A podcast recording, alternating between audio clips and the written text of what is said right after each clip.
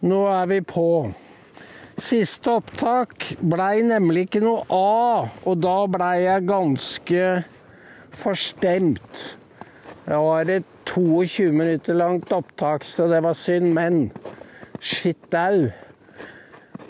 I dag var det noe stort som skjedde, og det var en som Jeg får jo disse tipsene, da, vet du. En som hadde fulgt med på justiskomiteens høring i går om denne nye lovproposisjonen. Om tiltale for å være påvirkningsagent for en aktør, og det kan være alt mulig. Bedrift eller utenlandsk makt. Institusjon, you name it. Og Danmark forbereder en lignende lov. Og da Da må vi bare si at uh, da har vi vårt arbeid cut out for oss, som det heter på amerikansk. Dere hører det er bikkjer her. Nå er det tre riesenschnauzere som er med på tur, så da blir det litt livete. Dette er uh, jeg så jo at noen, denne dama fra Venstre, var vel noe betenkt.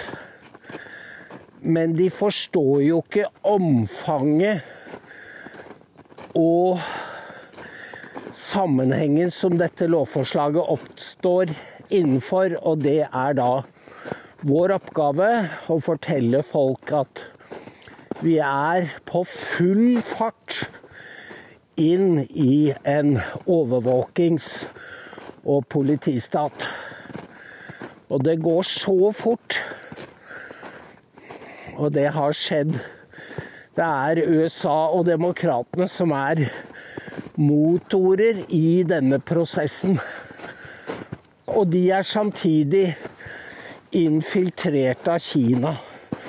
Og da begynner det å bli veldig begynner å bli veldig mørkt.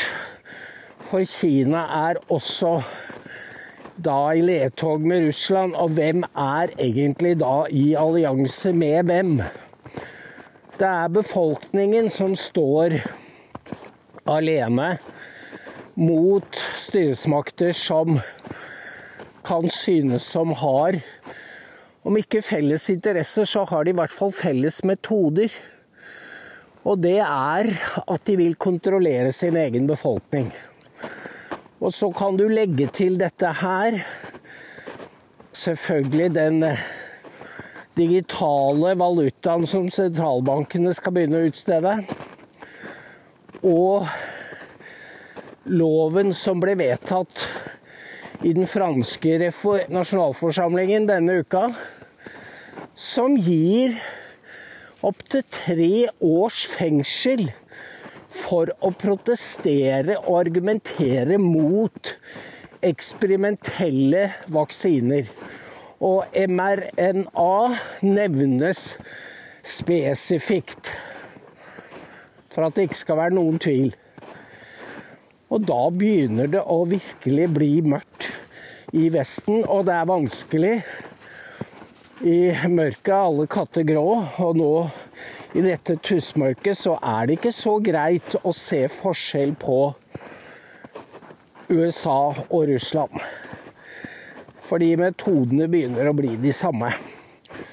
Nå ble jo han Orlov dømt i, i går til uh, Oleg Orlov til to og et halvt års fengsel. Han er en, uh, representerer Memorial men det norske medier ikke vil skrive om, er de som får dørene sprengt inn i USA og dømmes til Først har de sittet lang tid i varetekt, ofte i isolat. Og så dømmes de til lang, lange fengselsstraffer for å ha vært innom Kongressen 6.1. En operasjon som FBI og CIA selv iscenesatte, eller i hvert fall var med å fremprovosere. Og disse lovene er så De er så omfattende, og de er et stort turnoff for stadig flere mennesker. Det er jo eh, Jeg vet ikke om det er tilsiktet at de ønsker å skape en opposisjon som de kan bruke som skrekkeksempel. Men vi merker jo at det er mange som nå hvor, det, hvor alarmen har gått. Vi må eh, Vi må jobbe helt systematisk. Kartlegge ting bit for bit. Men mønsteret er helt tydelig.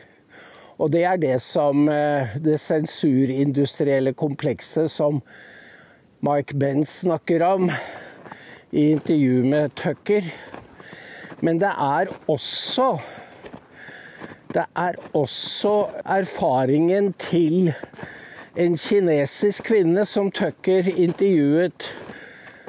Og hun opplevde kulturrevolusjonen i Kina fra 66 til 69.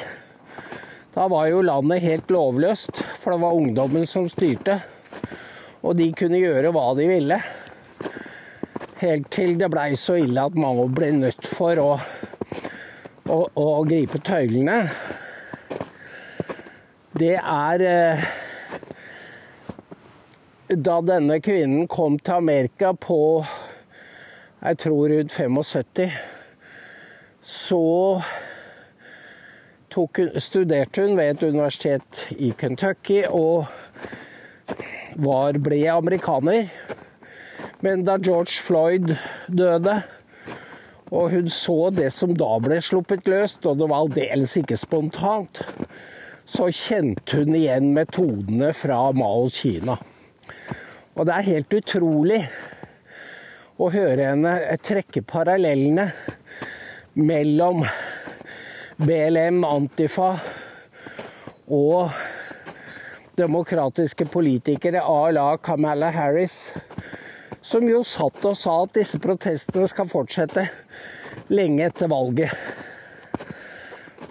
Og som gammel raddis så vekker jo disse denne fortellingen ekstra sterke minner. Fordi her har altså 68-kulturen fortsatt å fermentere og bli utklekket og videreutviklet på universitetene. Og de har utdannet rødegardister som går til angrep på deres eget samfunn. For det var det nemlig de rødegardistene i Kina gjorde. De angrep Det var de tre sannheter. Og det var altså gamle skikker, eh, tradisjoner, gamle ideer og gamle ja, Alt som var gammelt, skulle kastes, vrakes. Og det er jo akkurat det som har vært kjennetegnet på revolusjonen i USA.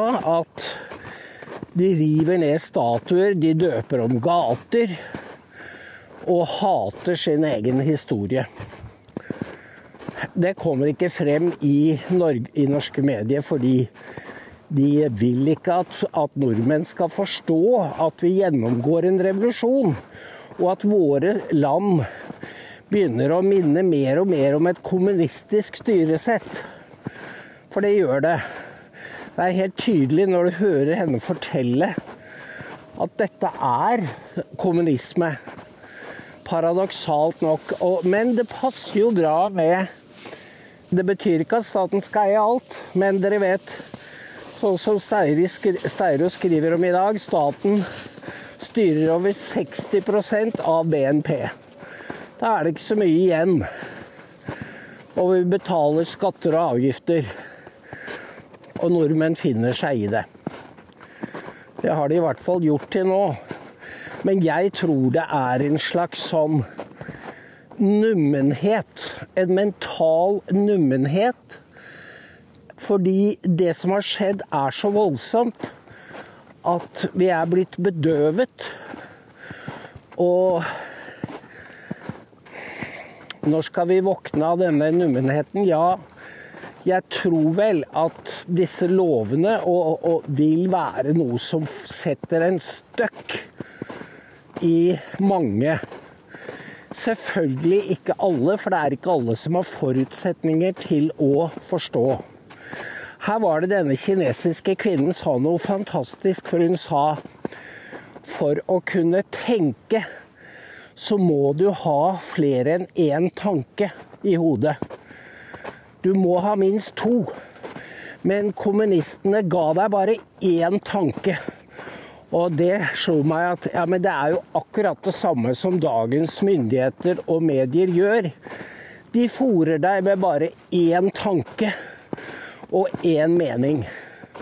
Og da dør evnen til kritisk tenkning. Og det er også meningen. Du skal ikke mene noe annet enn det som er den rådende oppfatning. Så kan du si ja, men hva med kontroll- og konstitusjonskomiteens arbeid i dag? Var ikke det eksempel på at vårt system er, har evne til selvkorrigering? Beklager, beklager. Det er en, en korrigering på Det er ikke det at de er uten fortjeneste, men den skjer innenfor systemet.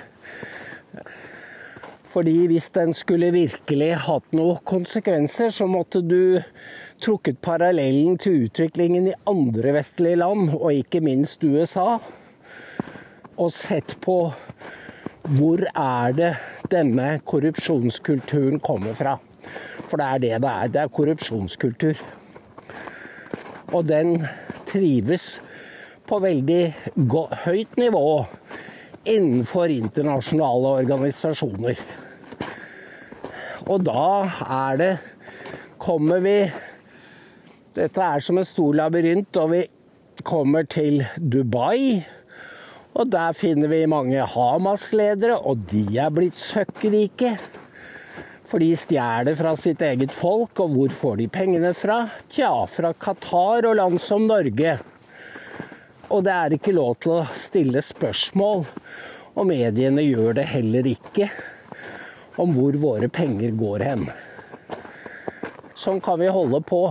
Og det er, det er sammenhenger. Og det blir ikke stilt spørsmål, like lite som Anniken Huitfeldt og Erna Solberg gjorde det til sine ektefeller. Fordi man, man venner seg, og man normaliserer Man normaliserer korrupsjonen. Og derfor, når den blir avslørt, så blir den jo ofte feid under teppet, sånn som da ekspedisjonssjefen til Støre måtte slutte fordi hun hadde utnyttet sine, sine, sine forbindelser. Hun het Therese Steen, og hun ble det bare skrevet om i Dagens Næringsliv.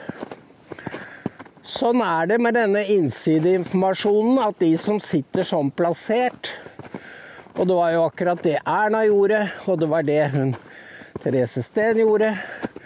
De sitter så nær beslutningene at de kan bli rike ved å være med på kammerset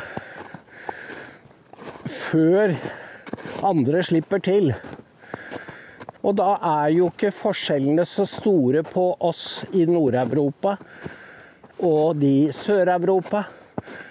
De har hatt en korrupsjonskultur i århundrer, og nå begynner vi å få det. Og da da ser du at de moralske hemningene blir borte. Sånn som når eh, Janet Yellen sier at nå må vi beslaglegge russernes penger. Da er det jo som de legger opp til en konfrontasjon. Fordi Vesten har stått for upartiskhet i håndhevingen av internasjonale eh, lover og regler. Men den tiden er det slutt på. Og det er et alvorlig forfallstegn. For det kommer ikke de andre til å finne seg i. Jeg føler jo at eh, denne kampen mot politistaten går langt tilbake, fordi det var jo det var jo noe av det som var utgangspunktet for både SF og SV. Altså, du kan si mye galt, du kan si mye negativt om dem. Men det var noe der som reagerte på Fordi også den gangen drev jo CIA påvirkningsoperasjoner. Det var noe som het Operation Mockingbird, hvor de fòret journalister med storyer som de hadde ville ha plantet i opinionen. Dette var det jo, var jo også journalistene i Klassekampen, Finn Sjue og Ronald Bye var jo også opptatt av dette her, og overvåking. Men dessverre eh, Venstresiden var jo litt for gode venner med de som spanderte middag og brennevin på dem. Og derfor har du sånne som Berge Furre, som kom, eh, som kom i søkelyset, selv om han var medlem av Lund-kommisjonen. Men den gangen var det mulig å følge med altså, på hva som skjedde. Jeg husker jo Grete Farmo var justisminister for Torbjørn Jagland, og hun måtte gå av da denne saken ble kjent, at de drev og overvåket Børge Furre. Kanskje med god grunn. Fordi eh, sovjetisk, eh, eller russisk og østeuropeisk hadde etterretning hadde, hadde infiltrert mange i norsk politikk og akademia. Men så ble det jo lagt lokk på, og dette er Alfer Alfær Jacobsen spesialist på. Men det var mulig å det var mulig å ha et bilde av historien og forstå kreftenes spill. Det er det ikke så det er det ikke så mange som har lenger, fordi man har rett og slett mistet tråden. Og man klarer ikke begrepsmessig sette ord på at USA begynner å ligne på Russland. For det, det sprenger alle grenser. I stedet, og det er, det er syretesten på at de mest ihuga Nato-forsvarerne ikke har rent mel i posen det er når de begynner å si at Trump er, Trump er Putin. Og i går var det jo Eirik Løkke som er ekspert for NRK, og han kommer fra Civita. Han var i, på morgenradioen og hadde vært, kom rett fra USA. Og han sa at amerikanerne var veldig redde ja, sa Åse Vartdal, hva er det de er redd for? Jo, de er redd for at hvis Trump kommer igjen, så blir USA en bananstat. Da kommer det gamle USA som vi kjenner til å gå i graven. Men det er jo nettopp det det har gjort under Biden.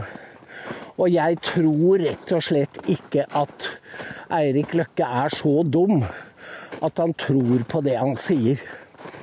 Dette er talking points som han har fått fra USA, og som han videreformidler. Og han er med på å gjøre nordmenn dumme, og det syns jeg egentlig er en forbrytelse. Og en av de som har hoppet på dette her, er jo Sylvi Listhaug. Når hun presterer å si at hun vil stemme på Biden da er liksom bunnen Da er bunnen nådd. Og det er så Det er så stupid at hun fortjener å få mange kommentarer for det. For selv har hun jo brukt sammenlignet høyrepopulisme med nasjonalsosialisme. Så eh, hvis man lar seg besnære av øyeblikkets gallup-tall, så kan man få komme på villspor. For her er det Her smiler mediene i skjegget og vet at Sylvi Listhaug sitter i klisteret. Og de kan presse henne til å ta avstand fra Trump. Men Per-Willy Amundsen er leder for justiskomiteen, så vi må rett og slett følge med på denne utviklingen i de nordiske land. For det er naturlig å se dette i sammenheng med at Sverige og Finland blir med i Nato, og at USA får tolv baser i Norge, 17 i Sverige, fire i Danmark og et antall i Finland. Og der kommer de til å drive med sånne ting i gåseøynene. Og vi har også fått mange NGO-er som får penger fra Fritt Ord, fra Soros, og som eh, bruker disse her til å påvirke med desinformasjon av opinionen. Akkurat det som de hevder de er imot, det gjør de selv. Og dette har da forelegg fra den kalde krigen. Men det vi snakker om nå, er noe helt annet, for det er en total omlegging. Det er et regimeskifte. Det er som da Goebbels sto og sa 'Vil dere ha den totale krig?' Det er som de har overtatt, vil overta hele samfunnet, og da, da er dør samfunnet sånn som vi kjenner sivilsamfunnet. Det er eh, voldsomme greier, men eh, det er dette vi, vi skal streve med nå de neste årene, ser det ut for. Og 2024 er et avgjørende år. Men eh, Nå vet dere hva vi står overfor.